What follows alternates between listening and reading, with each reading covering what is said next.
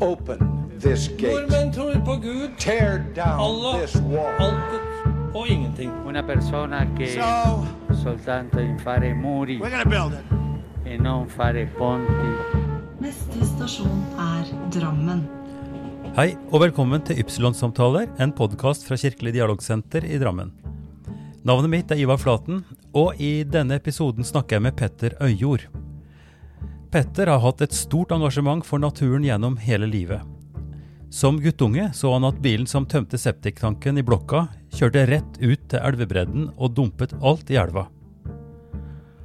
Han fiska der og ble forskrekka over tilgrisninga. Dette ble starten på et engasjement både for Drammenselva og for å reparere ødelagte fiskevann i marka. Når vi ser den vakre elva i dag, er det nesten umulig å forestille seg at den rant som en stinkende kloakk helt opp til 1990-tallet. Petter sto midt i kampen for å få byens politikere til å satse på å rense elva. Det syntes umulig, praktisk og økonomisk. I dag står kampen om global oppvarming og våre lokale trafikkproblemer. Det tilsynelatende umulige er mulig når folk går sammen, sier Petter. Ja, Petter Øyjord, velkommen til podkasten Ypsilon-samtaler. Eh, Det har gått en stund nå hvor jeg har lyst til å snakke med deg, men så kom koronaen, og så er det forskjellige andre ting, men nå sitter vi her. Så velkommen skal du være. Ja, takk skal du ha.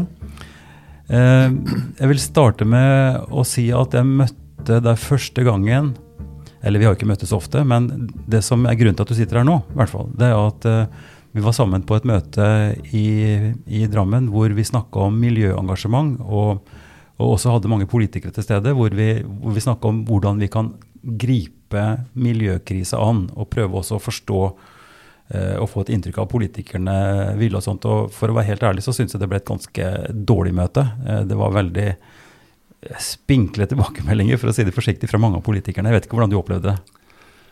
Altså Jeg opplevde det møtet som litt typisk i Drammen. da. Men eh, det er jo litt annerledes nå, når vi har fått inn Nedre Eiker og, og Svelvik. Og da, for det er alt så nytt. Mm. De, de siste åra som jeg kjenner politikken, så har det vært de samme, samme politikerne. Og så begynner å bli litt kjent med dem, men eh, nå er det jo helt tre forskjellige kulturer da, Ja, som kommer inn ja, i ett ja. kommunestyre. Det, jeg tror ikke det er liksom eh, at det fører til noe høyere nivå i det kommunestyret. Jeg tror vi må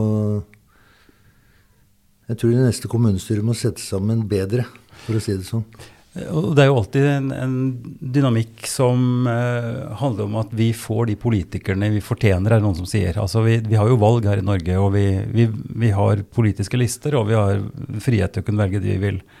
Og vi har hatt et, eh, har hatt et langt regime her, eh, som, eh, sant, som, eh, som Tor Oppdal Hansen har leda gjennom mange, mange år. Og, og vi sitter jo i dag, eh, mange av oss, med, med en ganske stor stolthet, og det snakkes mer og mer om omdømme. ikke sant? Det snakkes om, om Drammen, hvor fint det har blitt her. Eh, Drammen som har blitt betrakta som et, et høl som en helst vil kjøre forbi, men som vi nå opplever veldig sterkt har, ha, har et, et preg, altså en trivsel rundt seg, som er grunnen til at jeg flytta hit og, og, og ville bo her, og, og mange andre tenker på samme måten. Men det ligger jo en historie bak. eh, og det som gjorde inntrykk på meg når, når du tok ordet i det møtet, var jo at du sa noe om, om den kampen det var å få rense elva etter papirindustrien og alt det som skjedde. Eh, jeg visste jo at uh, Sissel Rønbeck den gangen var statsråd, og at det ble satt noen dagbøter, og at det var virkelig heftige saker. Men, men hva var det egentlig som, som skjedde? Du, du, hadde, du hadde en sterk fortelling der det var et stort engasjement, hvor folk eh, skrev under på, på saker. Hva var det som skjedde, Petter? Ja, Det som skjedde akkurat der og da, det var at vi begynte å se muligheten for å klare å få rensa elva, fordi det hadde jo vært en mulighet som ikke så ut til å være til stede i Drammen, fordi politikerne var utrolig lite villige til å gjøre noe med elva. Den skulle være forurensa, og sånn hadde det vært bestandig. Og hvorfor skulle vi forandre på det? Det, det var altfor dyrt. Så de hadde et sånn tradisjonelt syn da på at vi først uh, skole og barnehager, og så elva hvis det fins noen penger igjen. Og det, det blei jo aldri noen penger igjen til det. Nei. Og, og elva var forurensa fordi vi hadde For de som da ikke vet det, det vet vel de fleste, men det var jo en stor, stor industri her. Og hele byen er jo bygd på på tømmer og papirindustri. Mm, altså, den grunnleggende forurensninga, det var fra papirindustrien. Mm. Og all annen industri. Uansett hva du produserte, så gikk avløpet rett i elva. Så det gjaldt både dynamitt og papir og maling og alt som var. Det var ut i elva med det. Men, eh, men kloakken var jo det som folk flest eh, var mest opptatt av, da. Mm. Når du sier vi, eh, som, og, og politikerne på den ene siden og vi på den andre, hvem, kan du definere hvem disse vi var, som var aktivister Altså, da? jeg opplevde det som om det var he stort sett hele befolkninga imot politikerne. For de viste null interesse for temaet. Og det foregikk i mange år en avisdiskusjon som nesten ingen deltok i. Men det var spesielt én eh, journalist i Fremtiden som skrev litt om at det foregikk en sånn diskusjon mellom statlige myndigheter og Drammen. Og de fleste visste jo at de fikk ikke lov å bygge ut Konnerud fordi Eller mer enn de 10 000 som den gangen var, var der oppe. Og så lenge det ikke ble bygd renseanlegg. Mens Drammen påsto at det var bygd et renseanlegg nede på Solumstrand. Men det som var tilfellet, var jo at det var bare bygd en tunnel med kloakk som førte den rett ut i fjorden. Og i enden av tunnelen så var det en svær jernrist, og den fanga opp sykler og større ting, men ikke noe rensing.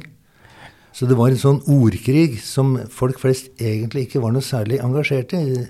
For de trodde ikke noe på at politikerne i Drammen ville rense elva. Men Petter, det er jo et stort paradoks. Altså Hvis det er slik at hele befolkningen har en sterk formening om hva som bør gjøres, og så sitter politikere på den andre siden og sier at dette har vi ikke penger til. Mm. De, er jo, de, de er jo valgt. En kan kanskje se noe av det samme mønsteret i dag, da, for å være litt uh, aktuell. At man har så store skal vi si, spørsmål rundt uh, klimaendringer og klimakrise uh, som veldig mange, og kanskje de fleste etter hvert, begynner å bli klar over og ta inn over seg. Mens det er vanskelig å finne budsjetter og altså jf. oljeboring og konsesjoner og sånt som vi ser nå når vi snakker sammen her. Eh, så det er vel noe av det samme. altså at, eh, at økonomien og rammene, realismen såkalt, i, i politisk eh, virksomhet fører til at man lander et annet sted enn der en egentlig ville. Altså, det spørs jo kan, klart på hvilken hensikt har du med å sitte som bystyremedlem. I Drammen så har det stort sett vært en sånn prestisjesak og maktsak. Og alle visste jo det at den som fikk makta, fikk også noen fordeler. Så, men når det begynner å komme inn saker som betyr noe, da er jo egentlig ethvert bystyre helt uforberedt på det. Fordi hele byen er jo i praksis og til daglig styrt av en rådmann og en svær administrasjon. Og de er jo bare opptatt av å få gjennomført det som står på budsjettet, og prøve å få litt mer på de budsjettene neste gang. Og ikke gjøre noe nytt. For det, skal du gjøre noe nytt, så må du rydde vekk gamle prioriteringer og få inn noe nytt. Og det Drammen har alltid vært en veldig konservativ by. Og det gjelder ikke det at du er, det er høyre og sånn, men det er måten å tenke på. da, Den har vært veldig stillestående. Så det er ikke noe foregangsby på noen måte. Det er jo, det er jo ganske ramsalt kritikk du, du framfører her, og det er jo, det er spennende å høre nå i, når vi nå 1.1 gikk over i en ny og stor, større kommune, og har en helt ny også strategi, må man så si, med de ti kommunedelene og en mer eh, tenke, tanke på mer distribuert tjenesteproduksjon og, og ny rådmann, eh, nye direktører og sånt noe. Så, så mitt inntrykk er at det er mye, mye vilje og også ganske sterke, som du sier, sterke folk i, i rådmannsstaben og sånt. Ja, det- eh, og at, men, at, men at, at det også har gitt noe politisk sett no, noen andre føringer med, i, i komiteene. At man har noe større makt i komiteen til også å kunne gjennomføre Ja, ting. altså Det siste du sier, det er jo det at uh, politikerne er oppdelt i komiteer. Mm. Og disse komiteene har jo ikke på noen måte noe hvitt, noe svært mandat. De, de kan få lov å bestemme litt mer enn før. Men før så var det jo ingen bestemmelse i komiteen. Alt ble avgjort i formannskapet og bystyre. Og flesteparten av politikerne i Drammen for to-tre år siden, de satt jo bare i bystyret og var stemmekveg. Og hadde ikke noe skapende virksomhet ved siden av det. Dette, er- dette er skarpe, skarpe ord. Jeg, begynner- jeg, jeg, Jeg, er vant med å bare si det som jeg mener at og det det, er. er, det er veldig fint at du gjør det. Og, sånn, men jeg kunne godt tenke meg at vi spoler litt tilbake igjen Ja. og starter rundt det, det som slo meg veldig sterkt. Eh, nemlig din fortelling om dynamikken rundt det som førte fram til at det ble et vedtak Mm. om en litt mer, skal vi si, eh, fra, framoverlent Mm. eh, strategi for å få gjort noe med elva. For det er jo nesten utrolig det du sier, at, at folk sier at nei, det, det, det gjør vi ikke noe med, det har vi ikke penger til, det er ikke så viktig. Når det stinker der, og når Mm. Ja. man ser at dette er jo det, det er nesten så jeg ikke tror det. Ja, altså Det som er i tilfellet, er at det, hele byen, i hvert fall nede i de sentrale områdene, så stinka det kloakk hver dag hele året. Mm. Men bare det at den lukta kjente ikke verken politikerne eller folk flest. De var så vant med det at du gikk i denne stanken hele tida. Hvilket årstall snakker vi om da? 50-, 60-, 70-tallet, Ja, 80-tallet. Helt opp til 80-tallet. Ja, ja. Det var ikke noe forandring da. Du, hvis du gikk langs torvet, så de som var litt obs på det, de gikk jo litt vekk fra kumlokka.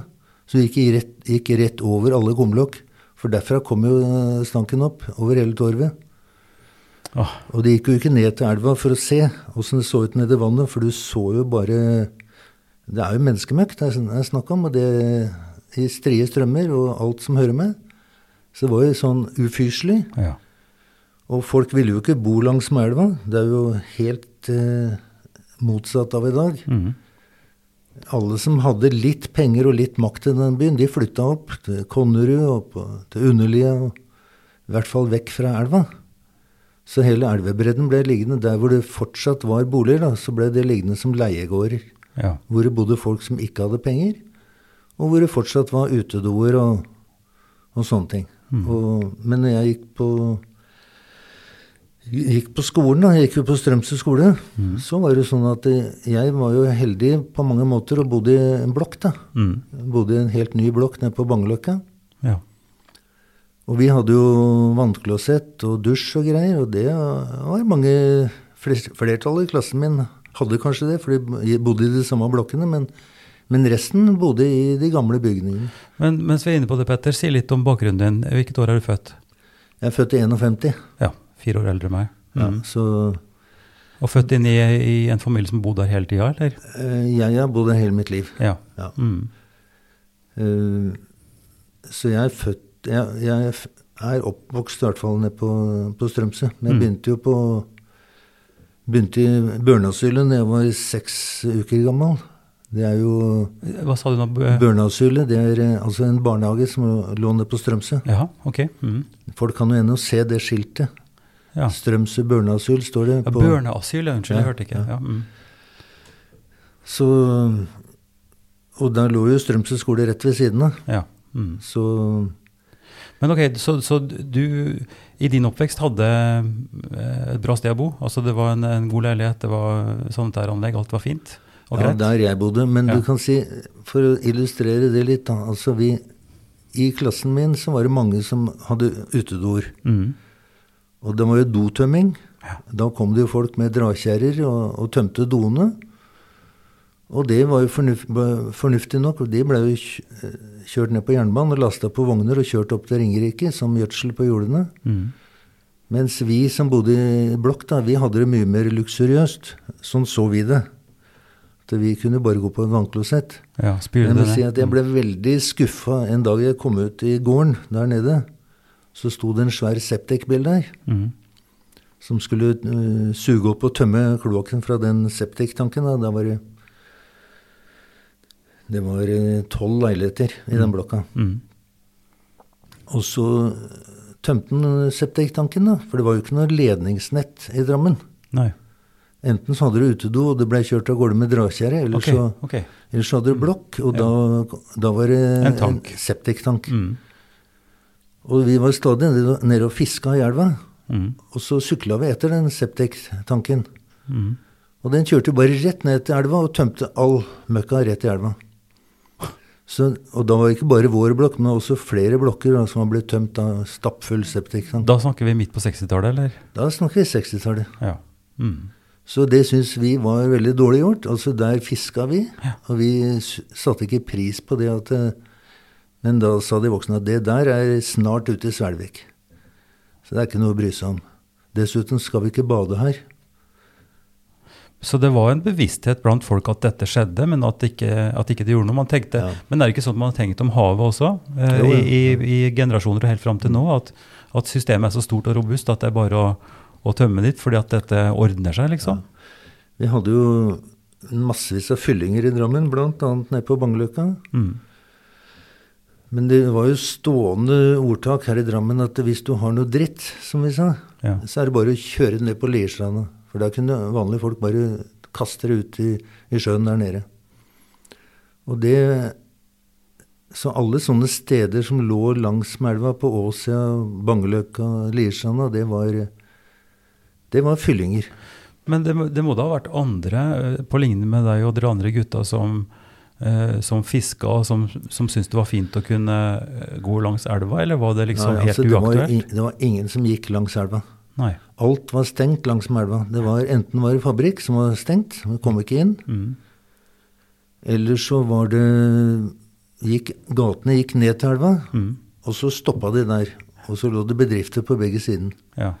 Det var bare i Tollbugata og på Tangen og på Øvre Bragnes at folk bodde nede ved elva.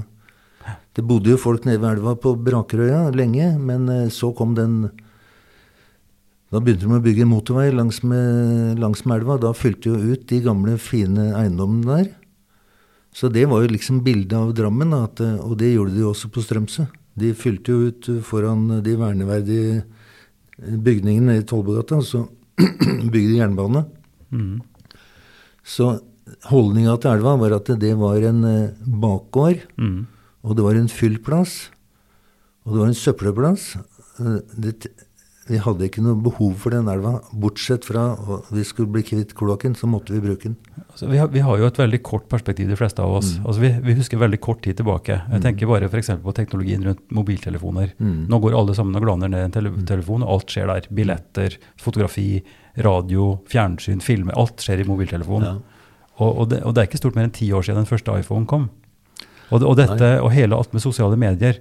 Poenget mitt er bare å si at det er nesten uforståelig, det er nesten umulig å, for, å tenke seg at man har en elv som er en, en sump og en, en bakgård og en, en, en kloakk Mm. i Drammen, hvor vi nå går over Ypsilonbrua, hvor vi går langs elvebredden, hvor vi bader og fisker. Mm. Og det er liksom nærmest paradisisk. Altså, Vi visste jo det at det ville bli veldig fint hvis vi bare fikk rense opp i elva, men eh, jeg fikk en telefon fra en eh, veldig ledende politiker, kan du si. For at jeg, jeg ytra meg jo en veldig negativ til situasjonen. Og han, det argumentet han hadde overfor meg, det var det at jeg har bada i elva lenge før du blei født. Det var hans argument. Ja, det er jo ikke akkurat eh, Så jeg hadde ikke noe å si, for han hadde bada i elva lenge før jeg ble født. Men, men Petter, du, du ble født, og du fiska i elva. Du så septiktankbilen fra blokka ble tømt i elva. Så det ble tent et engasjement i deg antageligvis veldig tidlig Ja, på dette. Vi tok, jo, vi tok det opp eh, på skolen, men det var selvfølgelig ingen interesse for det på skolen heller. Det var ikke sånn at, vi, at det ble diskutert dagsaktuelle ting. Barneskolen, Ja. Mm. den var veldig streng. Jeg husker Så- bare for å bryte inn, jeg husker min egen eh, barneskole. Jeg starta jo jeg er som sagt født i 55, litt senere enn deg.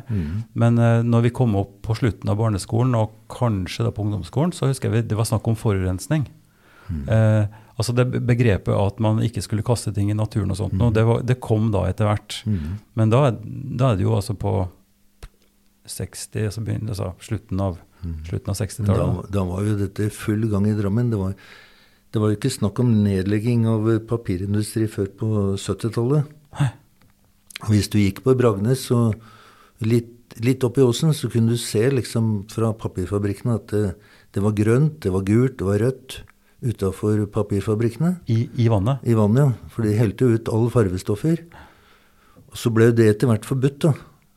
Men da så også jeg at eh, de kom jo og henta farvestoffer i svære konteinere. Mm. Eller papirmasse som var ødelagt, da. Mm. Og så Det var helt fullt, så det skvelpa jo over. Men for at det ikke skulle skvelpe så mye over, da, så kjørte de først ned til elvebredden og helte ut halvparten. Og så kjørte de ut på fyllinga med det. Takk for at du lyttet til Ypsilon-samtaler. I denne episoden snakker jeg med Petter Øyjord.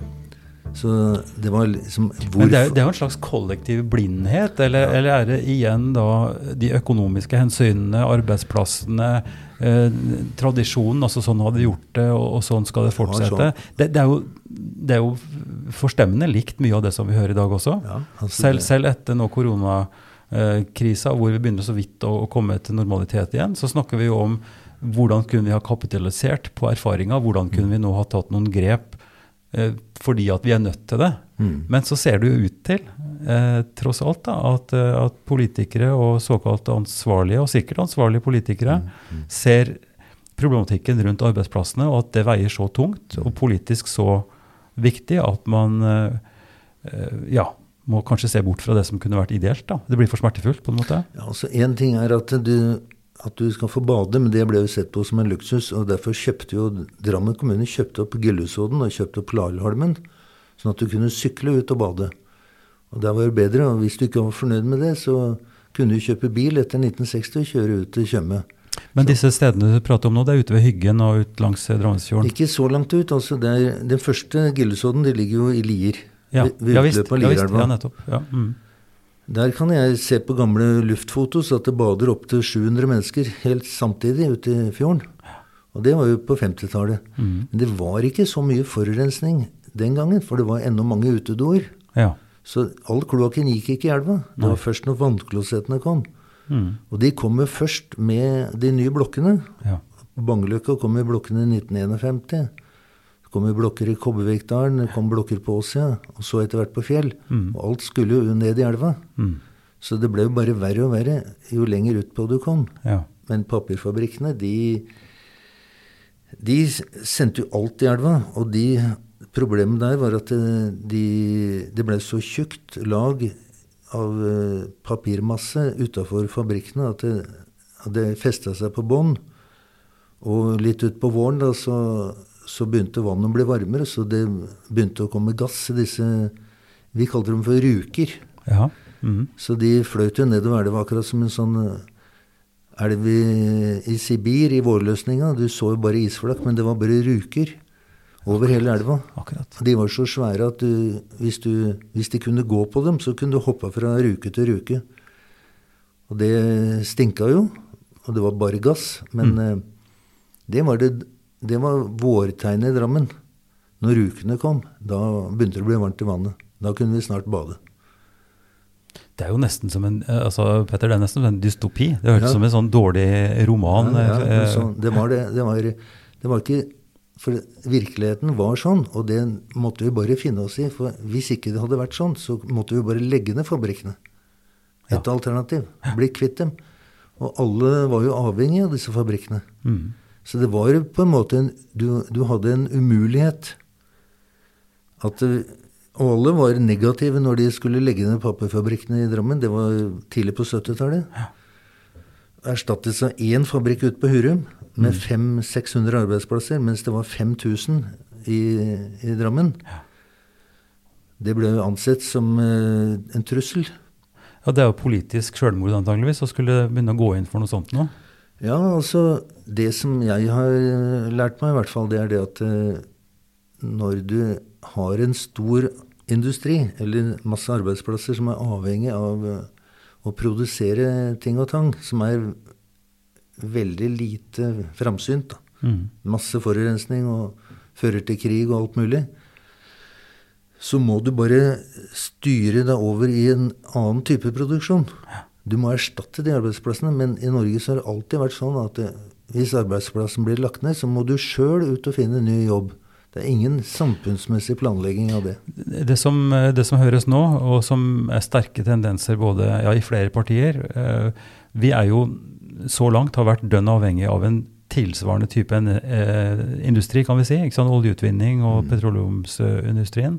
Men der ligger det også fantastisk kompetanse på Vi er jo i verdensledende på drilling f.eks., på, på teknologi osv. Så, videre. så argumentet som jeg hører nå, det er jo at man skal støtte opp om industrien eh, videre i en fase for å få en mykere omstilling. Og så kan man diskutere det politiske om ikke her vil dette gi nå på en måte en, eh, en åpning for å kunne drive den industrien i, i flere tiår fortsatt, og så ikke bli tvunget da Men hvis vi, vi kan ikke, jeg tror ikke vi skal gå videre på å diskutere nåværende politikk, men for meg så er det veldig tydelige eh, overlappende og ganske like scenarioer. Er Når vi, prater, når vi prater om, eh, om, om Drammen på 60-, 70- og 80-tallet, og det dilemmaet som vi står i nå, overfor en tilsvarende, da en global eh, trussel, sånn som jeg ser det, og mange andre ser det. Men hva var det som gjorde at den prosessen kom i gjenge? Altså at, Ja, at det, den at, det, var to, det var to ting okay, som skjedde om det. samtidig. Det. første var jo at etter hvert så begynte folk å forstå at det, det er et press på Drammen om å rense elva. Men politikerne ville ikke. De vedtok enstemmig i bystyret at det skulle ikke renses i Drammen. Argumentet da var Argumentet var at de hadde ikke penger. Det var eh, ikke penger. Og formålet ble aldri diskutert. Altså hvorfor vi skulle rense elva. At det kunne bli en helt annen by, at folk kunne gå langs med elva, bo langs med elva. Det blei aldri diskutert. Det var ikke reelt, det var ikke realistisk. Og dette er helt fram opp til 80-tallet. Midt på 80-tallet og fram til 90. Den uh, kloakkrensinga ble vedtatt i 1991. Og da hadde jo det gamle rensemålet i Drammen det var, eh, hadde Ja, vært men Petter, jeg har hørt et tall midt på 80, 87, med Rønbekk Ja, og dagbøter. Da, ja, men da ble det satt i gang arbeid. Og så, for å si, ta det litt historisk Gjør det. ble først vedtatt å, etter statlig pålegg å bygge renseanlegg. Mm. Men Drammen gjorde ikke det. Det vil si, de bygde ett renseanlegg på Musøya, men de bygde ingen ledninger for kloakken. Sånn at det kom ikke noe kloakk fram til det renseanlegget. Litt overdrevet, kanskje. Det høres, det høres eh, Ja. veldig spesielt ut. Ja, fordi at det var så mye, mange svære bekker. Rolighetsbekken, Tjøsterudbekken og andre bekker på Åsia som fylte opp hele kapasiteten på Musøya. Okay. Så de brukte hele kapasiteten på å rense helt reine bekker. Med litt iblanda kloakk. Mens all kloakken som gikk i, ut i elva, den, eh, den ble ikke bygd ledninger som skulle føre opp til Musøya, eller ned til museet. Langs eh, det vil si Buskerudveien og Øvre Storgate, der ble det ikke bygd noe Igjen økonomiske argumenter. ja, ja. Det var, etter hvert så ble de renseanlegget Det var jo bare noen få arbeidsplasser det dreide seg om, men de gikk året rundt og rensa rent vann. På Strømsø-sida så var det ikke noe.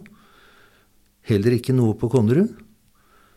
Men det, det kravet om å bygge et renseanlegg nede på Solumstrand, det hadde vært tatt opp gjennom staten i mange år.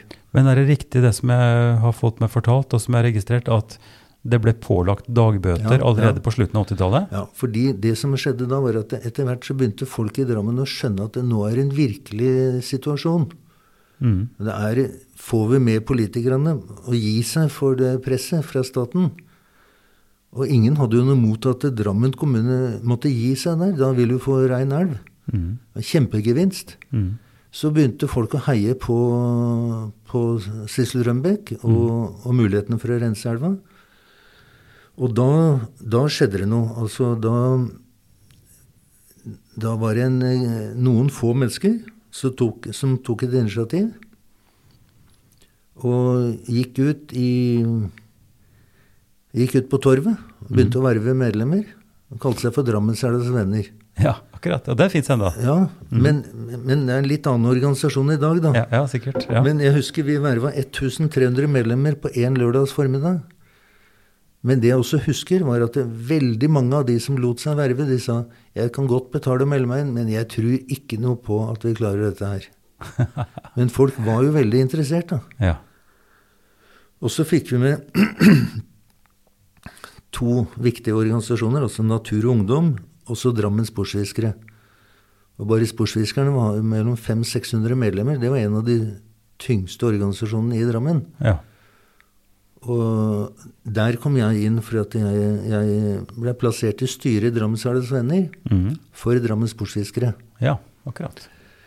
Og vi hadde jo det var ingen, nesten ingen i sportsfiskeren som fiska i elva, men vi hadde jo hele Finnemarka, Drammensmarka og hytte på Hardangervidda og sånn. Men, men det å få gjort noe med fjorden og elva, det var noe helt nytt. Og der, der tente alle medlemmene på det. Men si litt om den eh, organisasjonen, eh, sports, Sportsfiskerne. Ja. Det, det som jeg vet om, er at eh, rett oppover der jeg bor, oppe i, opp eh, eh, ja. Ja, nei, ikke Sølvfoss. Nei, nei, jeg bor her oppe på fjell, jeg. Så, Du bor på Fjell? eh, Ja, oppe i, oppi på Tjern her. Ja, Blekkjern. Unnskyld, Blekkjern, naturligvis. Der er jo hytte, ikke sant, som Ja. dere har. Eh, Hva var drivkraften? Altså det, det er såpass mange medlemmer. Dere, Hva gjør dere? Møtes dere og fisker sammen? Hva er det dere Nei, driver det med? er, det er veldig mange grupper. Ja, 10-15 forskjellige grupper. ja. De største gruppene det er bl.a. det vi kaller for fiskestell. Mm. Altså det vil si vi driver og setter i stand, Ja. reparerer gamle fiskevann og bekker som er blitt ødelagte. ja. Setter ut Ja. eh, fisk, yngler og sånne ting? Vi setter også ut fisk, men det er vi på vei bort ifra nå. Jaha. Fordi at det var den første Det er to ting som har skjedd med, med vanna i, på skauen. Mm. For det første så begynte jo vannet å dø ut pga. sur nedbør. Ja. Kommer fra England. Ja. Det er som å slippe flere lastebillass eller toglass med svovel over skauen hvert eneste Men år. dette var en stor sak tilbake på, på 80-tallet? 50-tallet, 60-tallet, 70-tallet. Vi holder på med kalke ennå. Ja, jeg, altså jeg husker det fra min, min ungdomstid at dette var et poeng med, med Ja, sure, vi- sur nedbør. Vi sprer tonnevis med kalk hvert eneste år. Ja. Og nå har vi vippa hele Finnemarka over. så Nå er, det, nå er det liv i alle vann. ja. Først og fremst det går an å leve, da, fordi at det blir kvitt den, eh, den svovelen Mhm. som gjorde vannet surt. Da lever jo ikke ørreten lenger hvis han eh, puster i surt vann. Mhm. Og så, men det andre problemet var jo det at eh, skogselskaper og andre hadde stengt av bekker, lagd demninger, retta ut bekker, ja. ødelagt bekkene, bekkene som, gyt, som gytemuligheter. Da. Og det har blitt mer og mer jobbing med det. Etter Ja. hvert som vi har fått orden på vannet, vannkvaliteten, ja. så må vi Altså det, det ble brukt mye krefter på å bygge opp et, et fiskeanlegg ute i Lier, som heter Dofa, Mhm. som kunne foreta kunstig klekking ja. og få fisken opp i en viss størrelse. ja. Og så kunne vi bære den fisken inn på skauen. Og det har blitt gjort i alle år siden. Men det reduserer vi fordi at det, det som er meninga med det hele, det er jo å sette naturen i stand til ja. Reproduksjon selv. å reprodusere seg sjøl. Mm. Og der har vi mange vann som ennå er ødelagt, som vi er avhengig av å bære fisk opp til. Mens andre vann begynner vi å få orden på nå. Nå begynner vi absolutt å få orden på glitteret. Mm. det største vannet der inne. Og Glittervannverket setter ut bare noe fisk nå, men eh, målet er å ikke sette ut fisk i det hele tatt. Ja. For nå begynner gytemulighetene i Sandungselva og andre bekker og vann da, til å bli mye bedre. Mm. Men Petter, det her er jo eh, det samme grunnengasjementet. Altså om det å, å, å ta tak i problemstillinger som ødelegger naturbalansen, som ødelegger livsmiljøet. Slik at sportsfiskerne også, som du forteller nå, er jo engasjert i det samme overveldende engasjementet som handler om, om rent vann, om, eh, om et kretsløp som fungerer, og om mennesker som kan trives. Så går, vi går tilbake igjen til altså du som sportsfisker eh, engasjert, kom inn i, i Dammeselvas Venner. Dere hadde en aksjon på Torvet hvor du sier at det kom over 1000 medlemmer på én lørdag. Men de fleste av de sa at dette vil ikke funke, jeg vil støtte dere, men det funker ikke. Du kan si vi, vi kunne fortsatt å verve folk. Vi, vi, vi, kunne fått mange tusen medlemmer, men vi hadde ikke tid til det. Nei. Så vi, vi bare Når er dette? Rundt uh, 87, tenker jeg. Ja. Mm. Husker ikke helt, Nei. men uh, det kan ha vært der, på den ja. tida. Mm. Kanskje 86-87. Men da var altså situasjonen kommet dit hen at uh, politikerne begynte å forsvare seg. De følte presset, både fra befolkninga og fra regjeringa. Mm. Hadde, det var jo en lykke at vi hadde Sissel Rønbeck. Mm. For hun visste hva hun gjorde. Men hun var usikker på hvor, hardt hun kunne presse Drammen. Mm. Før de slo mot regjeringa. Mm. Så de var veldig opptatt av å undersøke stemningen i Drammen. Og de var, så lenge de var sikre på at befolkninga var for, Mm. så fortsatte de presset på, på bystyret. Og så snudde det ene partiet etter det andre i bystyret. Men fremdeles hadde vi flertall mot. De vedtok jo da på et møte at elva skulle være rein i år 2025. Jaha. Ja. Det vil si, den skulle ikke vært rensa enda. Nei. Til det møtet så var jo hele bystyret marsjert opp på geledd, og alle skulle stemme nøyaktig det samme. Da møtte vi opp i bystyresalen og la fram et forslag om at eh, elva skulle være rein i 1991. Det var da tre-fire år etterpå, da. Og det ble jo nedstemt. Men det som var pussig, det, det er jo virkelig pussig, for det er en annen tid. Vi gikk, gikk rett opp på talerstolen og leverte forslaget, og ordføreren tok det til avstemning. Og det hadde jo ikke skjedd i dag. Nei. Ikke noe forslag ble lagt fram i bystyret ut fra, fra gata. Det er jo det, det er ganske strengt å få, å få lagt fram forslag. Eh, altså, bare et eh, kom kom- kommentar til det. Jeg vet jo at, eh, at bystyresalen åpner talerstolen for, for folk for innlegg. Vi har jo hatt saker hvor vi har hatt sterke meninger om, om ting som burde vært gjort, og har kommet til med, med innspill fra talerstolen, og hvor saker har kommet fram. Så den dynamikken er jo mulig fortsatt, men eh, det høres jo Ja. Nei, også det var Ordfører Ture Vikstrand Iversen. Hun uh, leste opp forslaget Mm, ja. og tok det under avstemning. Ja. Så det, det, det betyr jo det at de, de ville jo ikke bare avvise det. Nei.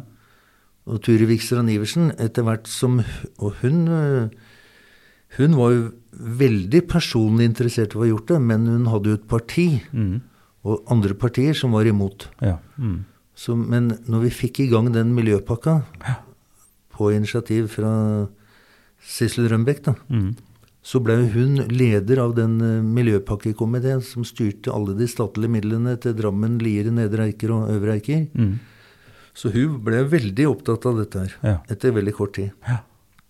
Så vi kan godt si det at eh, de politikerne som var positive til dette her, når de skjønte at de hadde tapt mm. Men de måtte tape først. De måtte bite i det sure eplet. Hvordan uh, tapte de? Hva, altså, Nei, altså, forslaget kom, forslaget ble- kom ja. og ble votert over. Nei, det, ble, det var bare uker igjen til, eh, til disse dagbøtene. Det var 50 000 kroner dagen da, den gangen. mm, Og det ville bli masse penger. Det tok ikke lang tid før du kunne brukt de penga på en barnehage eller på en skole.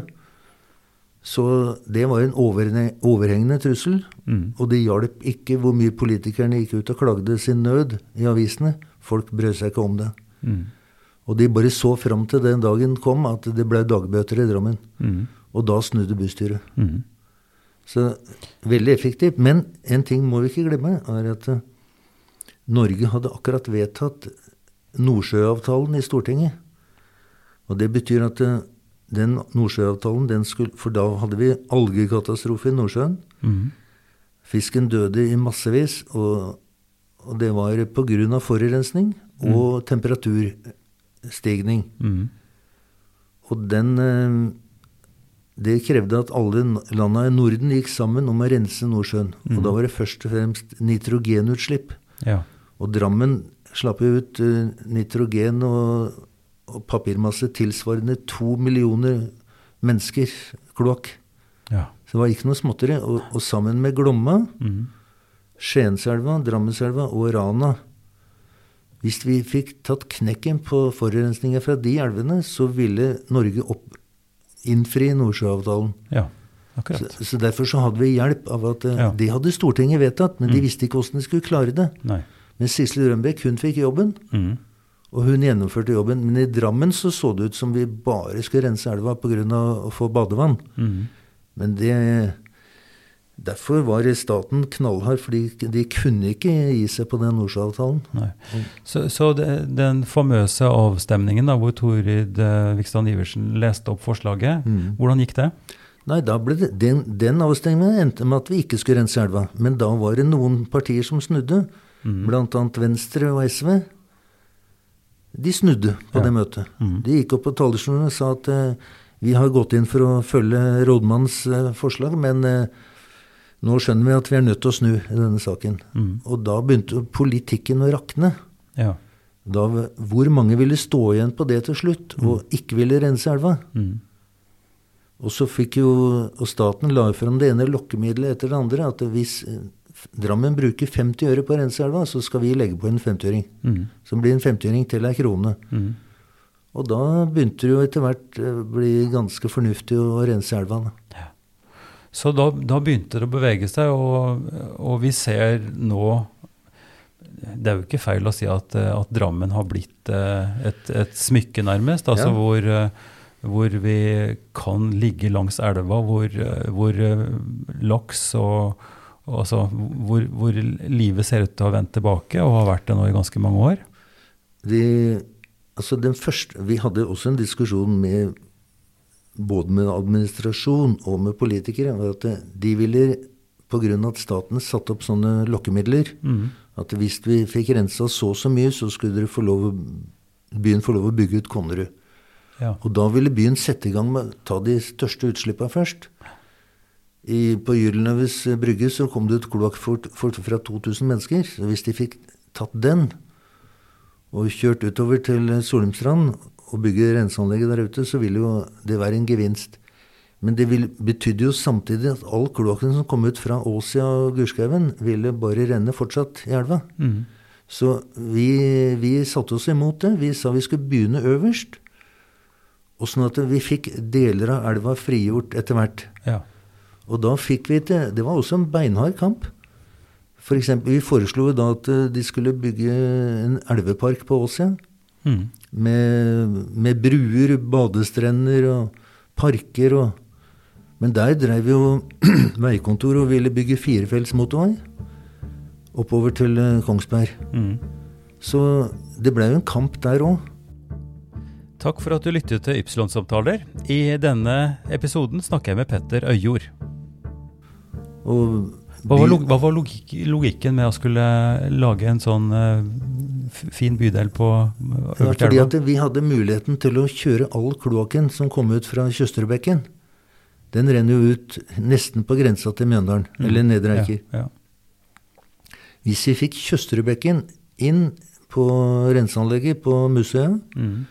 og de andre bekkene fikk separert vekk kloakken fra de bekkene, så ville hele Åsia bli fri for kloakk. Mhm. Og det, førte, det klarte vi å få til. Den elveparken, den, eh, den var hun Sissel Rønbeck veldig begeistra for. Når ble den etablert? Det var det første som ble etablert i Drammen. Ja. Eh, Jeg kan tippe at det var, eh, det var på 80-tallet, på slutten av 80-tallet. Ja, så tidlig, ja. Mm. Og det folk som bodde på Åse, de sa dette er det fineste som, er, som har skjedd i vår bydel noen gang. Mhm. Dermed så fikk du en sånn positiv utvikling ja. i gang. Plutselig så begynte Ja. folk å se fordelene ved det, og kunne Ja. se praktiske eksempler. Det er jo det som er viktig også. Og vi ville ikke vente med Øvre Storgate. var et mareritt for, eh, for eh, administrasjonen. Der var det hundrevis av små kloakkutslipp. Mhm.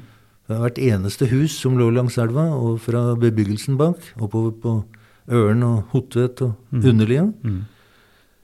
Og det var det neste steget. Mm. Å få det stengt der, og så pumpa kloakken opp til museet. Mhm. Og dermed så ville vi bygge også badestrender nede i, i gropa, Øvre Sund. Mm. Det var en sterk motstand altså blant i administrasjonen. Mm. Politikeren var heller ikke så veldig begeistra, men da var det begynt å rulle Mhm. En utvikling. Og når vi fikk i stand den eh, parken i gropa der den gamle fajansefabrikken lå, da ble den kjempepopulær, den også. Mm. Og da begynte politikerne etter hvert å forstå at dette her er ikke noe vi kan gå imot lenger. Vi er bare nødt til å henge på. Men, så, men det, jeg synes, Petter, er, du sier fremdeles og ganske sterkt at politikerne begynte å skjønne, og de, altså det oppfattes som en veldig eh, Mm. Ja. Jeg er opptatt av dette med polarisering og Ja, ja, samtale ja. og hvem som er verre. For jeg vil jo påstå igjen da, at vi har jo de politikerne som vi har valgt inn, og de, de er satt til å forvalte eh, økonomien og balansere forskjellige hensyn osv. Så, videre. så de er også helt avhengige av den styrken som du og mange andre har vist, å få på en måte så jeg, jeg kan liksom ikke forestille Men det er mulig at jeg er banal og, og er- naiv. Husk på, Drammenserne de har nok snakka om politikerne i alle år. Altså, Hvem veit hvem som sitter i bystyret? Nesten ingen veit hvem som sitter der. Det har alltid vært eh, Egentlig ikke vært så veldig mange som har god peiling på lokalpolitikk. Men det Og Høyre og Arbeiderpartiet har jo alltid sittet og hatt flertall til sammen. Så hvis de to slo seg sammen, og de gjorde det i alle viktige saker, så gikk det jo mot folkemeninga. Og det hadde vært tilfellet her. Men innad i Høyre og innad i Arbeiderpartiet så var det veldig mange som tenkte annerledes. Men de, ville, de ville, var jo under pisken. Men eh, vi tok kontakt med flere av dem, og det var flere av dem som meldte seg da til et sånt politisk utvalg hvor vi hadde folk fra alle politiske partier i bystyret. Og de jobba jo innad i Høyre og innad i Arbeiderpartiet for å så snu de partiene. Så det, den strategien, den eh, gikk veldig bra. Men det er et folkelig engasjement her, og det, er- det er et, en, et sterk følelse av hva som er viktig, og hva vi trenger, både som bysamfunn og som enkeltmennesker. Og det har jo, eh, den fortellinga som du nå har, har gitt oss, er jo et eksempel og en slags lakmustest på en måte på, på hva som må til for at en skal få endring. Og nå sitter vi jo, som jeg sa til starten, som, som ganske stolte innbyggere av Drammen, og, Ja. og kan fortelle både lokalt og, og internasjonalt. Og vi, vi jobber jo med det som et politisk prosjekt også. Å få en byutvikling basert på naturstyrken vår. ikke sant? På, på elvebredden, på Ja. elva, på spiraltoppen, på alt det som ligger rundt oss, eh, som en ressurs. Men hvis eh, politikerne den gangens ønske om å få elva rensa i 2025, så vil vi ha stinka kloakk her fortsatt. Ja, det vil det. Og du kan si de store utfordringene i et lokalsamfunn, da, det er, var den gangen i Drammen først og fremst kloakken og trafikken. Ja. Trafikken sto jo i hele byen. Eksos og møkk overalt. Så mye støv. Og ungene fikk jo beskjed av uh, legene at eh, dere må flytte. Dere, er Det er en familie som bodde langs Rosenkransgata, må flytte til Konnerud hvis dere skal ta hensyn til ungene deres. Så hun var jo veldig opptatt av luftforurensning. Men der hadde vi ikke det samme støtten vet du, fra, fra statlig hold. Der sitter veikontoret og ville bare bygge motorveier. Og Drammen ble jo helt ødelagt av motorveier. Så der hadde vi et kjempeproblem, og det varte jo Det varer for så vidt ennå. Det er den byen i Norge, tenker jeg, som er mest ødelagt av motorveier. Ja, og, det, ikke sant? og da, måtte vi, da, må vi inn i et ganske langt resonnement igjen. fordi en vil jo kunne si også at når vi nå har eh, biltrafikk, og, og når den trafikken skal passere fra Oslo og sørover, så må vi ha en løsning på det. Det kan ikke gå gjennom gatene. Eh, så den motorveibrua som førte til at eh, eh, Brakerøya ble sanert, eh, at disse gamle store arbeiderboligene ble borte, og at Fjell, her vi sitter nå, ble, ble utvikla. Det ligger jo en slags positiv dynamikk i det også. Problemet gjenstår jo, Petter, i det at vi faktisk enda ikke har løst eh, kollektivtrafikken, og at, at det ligger som en stor utfordring. I Drammen så er jo den byen i Norge da, som har flest biler per innbyggere. Det er kanskje den fattigste bybefolkninga i Norge, men det er den som har flest biler. Og, og det sier litt om problemet, at, eh, at dette er, er knytta til én måte å klare å komme seg fram på, det er med bilen. Og du får ikke så god bussdekning. Eh, og så er det det at eh, etter hvert som folk ble flytta opp i høyden, på fjell og på, og på Konnerud og, og, og Underlia, så, så kunne du ikke sykle så lett til byen. Mens jeg som bor nede på Flata, jeg, det er verdens beste sykkelby for meg. Jeg har aldri en meter stigning. Det sterkeste sykkelstigning er jo over Ypsilon og over Bybra.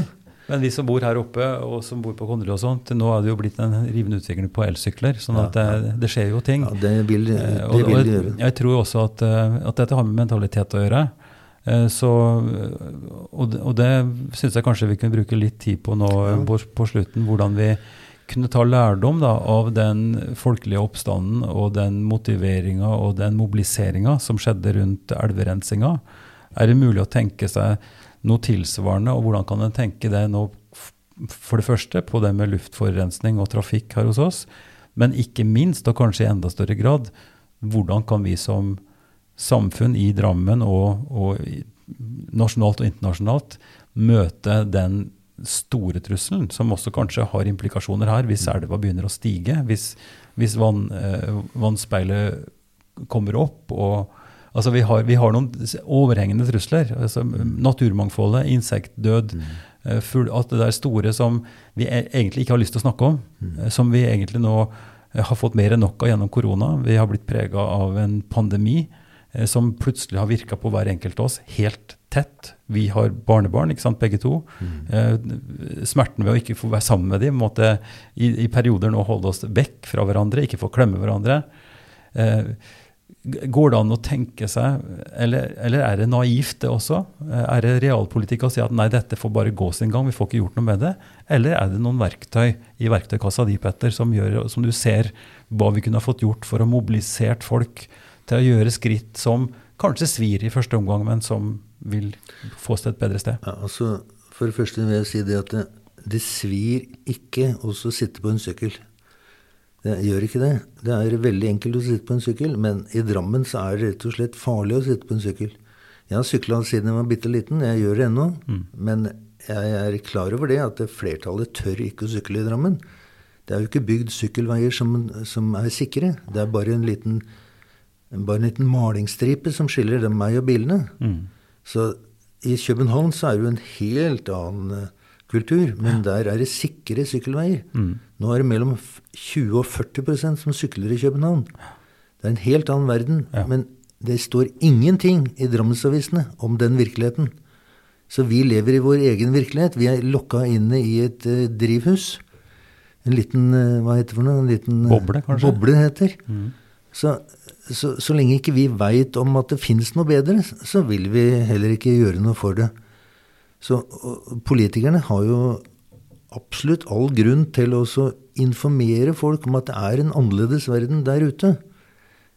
Ja, men vi, Petter, vi reiste da. Det er jo ikke sånn. Altså, folk har jo vært i København og i, i Amsterdam. Vi ser jo folk suse rundt på sykler. Ja, men de fleste flere- nordmenn de bare går ut til sykkelfeltet og holder på å bli overkjørt. Så de, de skvetter. Jeg har sykla landevei mye, og jeg har sykla veldig mye og langt også ofte, men, og ser jo at det er et, det er et problem. altså Du må holde deg på hvitstripa, og det suser biler forbi, så du har rett. Men hva tenker du da, hvordan kan vi mobilisere? Fordi at du har erfart gjennom din praksis nå, veldig håndgripelig, fra kloakk til re, rein elv, eh, fra krise og katastrofe og dystopiske tilstander, politikere som ikke turte eller ville eller så muligheter, til noe annet. Ja, altså, Hva er mønsteret her? Ja, altså, vi kan eh, Jeg kan ha lyst til å nevne en ting, for at vi var i Ørebro Ja. på befaring en gang. Mm. For jeg var med i et sykkelprosjekt i, i Drammen kommune mm. etter, etter Miljøpakka. Mm.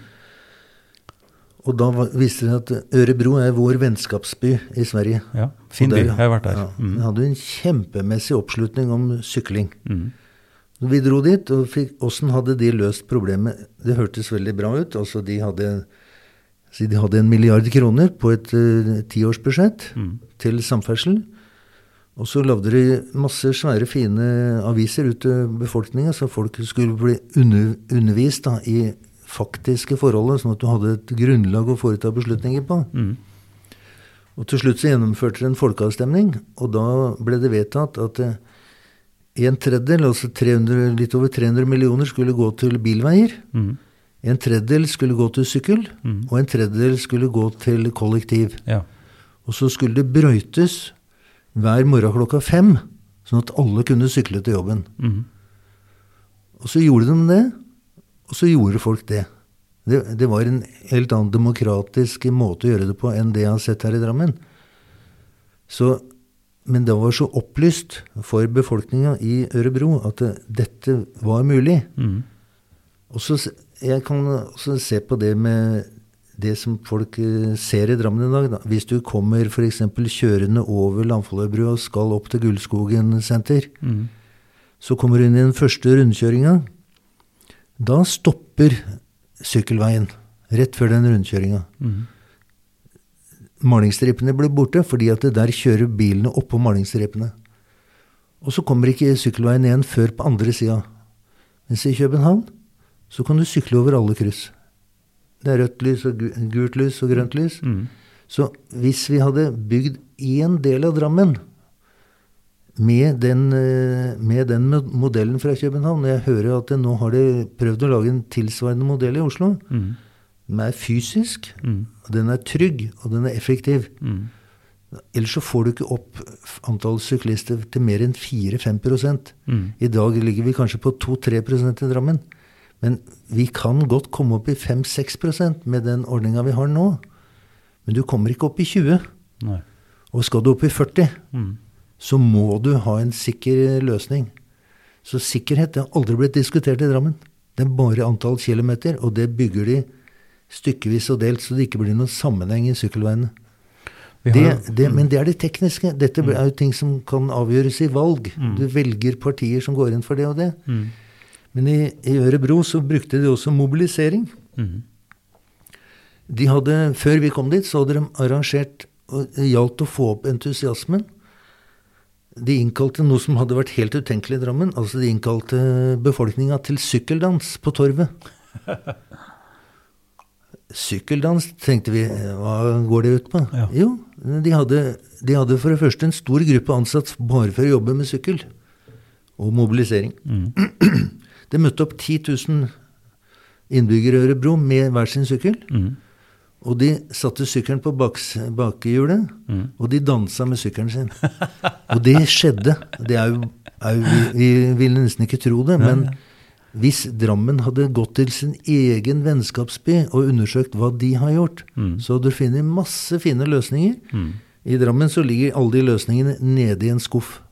De blir ikke dratt opp. Ja, det er jo en prosess nå, da. Jeg vil jo si det, med Miljøpartiet De Grønne som eh, er i posisjon Jo, og prøver å jo, finne ut av ting. Så det er jo, det er jo eh, vilje på gang. Men igjen så er det Jeg tror det er det samme mønsteret som vi må se etter. Altså hvordan kan du gå på torvet og få over 1000 underskrifter på noe som folk ser som Mm. viktig og som påtrengende, som de vil stille seg bak. Som gjør at politikere får trygghet. Det gjelder for sykkel og for, for eh, kollektivtrafikk i Drammen. Men i enda større grad tenker jeg det gjelder også for de radikale grepene vi må ta på arbeidsplasser, på, på alt det som kan føre oss i en mer bærekraftig retning. Da. Vi har jo enda i dag, eh, Petter, faktisk folk som stiller tvil om miljøproblemet egentlig er så stort. Det kommer faktisk fram av politikere på dette møtet vi snakka om i januar. Ja, ja, ja. Det er klart at det, Altså, nå er jeg født i 51. Det betyr at eh, jeg er pensjonist. Mm. Men jeg har jobba med miljø nå siden jeg begynte å jobbe i Grønn hverdag, Miljøheimevernet. Mm. Og da det er, jo, det er jo nesten 30 år siden. Mm. Og da, da fikk vi det, det viktigste kunnskapen fikk vi om kunnskapen om drivhuseffekten. Ja. Det fikk vi da, når Gro Harlem Brundtland deltok i den, eh, på den Rio-konferansen. ja. Og så ble det tatt noen skikkelige grep da. Da ble Miljøheimevernet danna. Enstemmig vedtak av Stortinget. 130 forskjellige organisasjoner slutta seg til. Deriblant eh, ikke LO og noen partier, men Bondekvinnelag, sanitetsforeninger, Kirken, Mm. vel, speiderne Altså det du kan kalle for en vanlig norsk organisasjon, da, for å få dette budskapet ut i de tusen hjem. Mm. Den ideen fikk jo flertall på Stortinget, Mm. men så ble det bare starta fire fylkeskontorer. ja. Og så stoppa det etter sju. Og da var det ikke mer kraft igjen, for da begynte oljeindustrien å få mye makt i Norge. Og de begynte å bruke makta si. Så alle sånne statlige tiltak Departementet, Miljøverndepartementet kom stadig med nye kampanjer og Men de fikk ikke lov å vare til de hadde begynt å virke. Så er det et, blitt et problem i Norge å få satt i gang noe som helst. Jeg tenker på det med sykling. Altså, helt klart det at folk ville sykle hvis det var trygt. Men de veit at det er ikke trygt. Så det blir omtrent som badevannet. Altså, Hvis du veit at du kan bade, at vannet ikke inneholder tarmbakterier, så kan du bade. Det vil jo, Og de vil ha parker, de vil ha boliger, de vil ha idrettsplasser langs med elva. Det er faktisk litt vanskeligere med den trafikken og, og den syklinga og alle disse tingene. Og det gjør at eh, For å si det sånn, at eh, oljeindustrien får lett overtaket. og Da blir det snakk om arbeidsplasser igjen. Så du, du blir tynga ned av eh, problemer. Du ser ikke løsningen lenger, for at problemene hever seg opp i svære mm. Jeg ser at timen vår snart har gått, Petter, så vi kan ikke Vi kunne sitte en to timer, tre timer mer, for dette er kjempeinteressant. Men jeg har lyst til å konkludere kanskje med å, å si at, eh, at det fins eh, i, i den fortellingen om rensinga av Drammenselva, den fortellinga som du nå har fortalt, og som har kanskje korrigert eller få løfta fram aspekter som ikke jeg har sett så tydelig før. Eh, at det fins et håp og en mulighet i det å mobilisere for noe som folk opplever som påtrengende nok. Og at med ildsjeler sånn som deg og, og andre, at det er mulig også å forestille seg å tegne et bilde av Drammen som en sykkelby. Eh, Drammen som en foregangsby hvor sykling og frisk luft er like naturlig og attraktivt som eh, rein elv er. Altså, jeg, jeg tror nok det at eh, altså Drammenseren er jo ikke dummere enn andre mennesker. Og du kan jo ikke si at eh, befolkninga i København er mye, ligger høyt over oss i intelligens. Altså Oslo ligger bare fire mil unna, men de har en helt annen holdning til, eh, til å gjøre noe med dårlig luft. Hvorfor skal vi ligge et dalføre unna og ikke skjønne noe som helst? Så jeg er sikker på det at det, blant drammenserne så er det et stort flertall som vil ha den forandringa. Men åssen skal de klare å få det til? Det tar så lang tid, og hvis du bare skal eh, få ett menneske til å kjøpe en sykkel Men nå leste jeg i avisa her om dagen at eh, elsykkelsalget har økt med det dobbelte bare de siste to-tre månedene. Og det betyr at, det, at når du begynner å se at dette virker Du snakker med en som har elsykkel. Jeg snakka med en som bodde oppe i Sparravollen Ja. på Bragnes. Jeg traff han på Rema 1000. Ja, Åssen kommer du deg opp igjen nå, sier jeg. Med, Nei, jeg har jo elsykkel, jeg. Sånn. Jeg er pensjonist, han er 75 år. Ja, ja. Så det er jo en løsning, men du må liksom oppleve flere og flere som finner ut det, og så begynner det å løsne. ja. Så det vil skje, også i Drammen, selv om Drammen er den byen i Norge som har lavest utdanning per innbygger i Norge. Uh, utdanning er en ting, men intelligens og fornuft og ønske om et godt liv tror jeg vi deler alle sammen. Ja, det er ikke noe problem med det. Uh, Nei, nei, så jeg tror vi må runde av, Petter. Men eh, det har vært veldig inspirerende å snakke med deg. Og jeg håper at de som lytter også ser disse parallellene, og at vi kan få til en, en endring også på det med luftkvaliteten i Drammen. Så hjertelig takk for ja, Før du sier takk altså, jeg, jeg har ikke nevnt ordet klima i det hele tatt, men CO2, det er karbon. Mm. det er karbonet som er det skumle å slippe ut. For det øker temperaturen på jorda. Og du, som du sa i stad, hvis grønlandsisen smelter, så stiger vannet opp til tredje etasje på jernbanestasjonen. Hva blir igjen av de store bydelene i Drammen? Og hvis vannet stiger Hvis eh, Antarktis smelter, så stiger vannet til over kornsiloen på Holmen. Da blir det bare et undervannsskjær. Så, men det er så lenge til, sier folk. Det gjør ikke meg noe. Jeg, skal le, jeg lever nå. Men det er den samme tanken, tankegangen som hersker ennå. At du, du kan ikke bare tåle så vel det som ikke rammer deg sjøl. Det minner vel litt om det som du sa, at, eh, at dritten den havner ut, og, ut på Svelvik. Mm. sånn, så, så vi kan ikke snu ryggen til dette her, og, og hvor høyt eh, havet eventuelt kommer til å stige, det er også en diskusjon, men at vi ser noen svære eh, skyer i horisonten, og at, eh, at vi er nødt til å ta stilling til det. og Derfor syns jeg det har vært givende som sagt, å snakke med deg, fordi du har fortalt en historie om hvordan et folkelig engasjement har ført til en endring som vi nå alle kan nyte godt av her lokalt. Og at dette mønsteret syns jeg også går an å tenke seg både kortsiktig og langsiktig. Så takk for, takk for en veldig flott samtale, og takk for det du har gjort og gjør så langt, både sportsfiskerne og, og, og ellers. Tusen takk skal du ha. Ok, takk skal du ha. Takk for at du hører på Ypsilon-samtaler. Mer informasjon om oss og hva vi holder på med, det finner du på www.ypsilonsamtaler.no. Der finner du òg en kort presentasjon av alle samtalepartnere og lenke til episodene. Du kan òg søke på Ypsilon-samtaler på din podkast-app, og abonnere. Vi er svært glade for tilbakemeldinger og forslag som du kan sende til Ivar at kirkeligdialogsenter.no. Ypsilon-samtaler er støtta av Drammen kommune og Barne- og familiedepartementet. Ansvarlig utgiver er Kirkelig dialogsenter Drammen, ved daglig leder Ivar Flaten.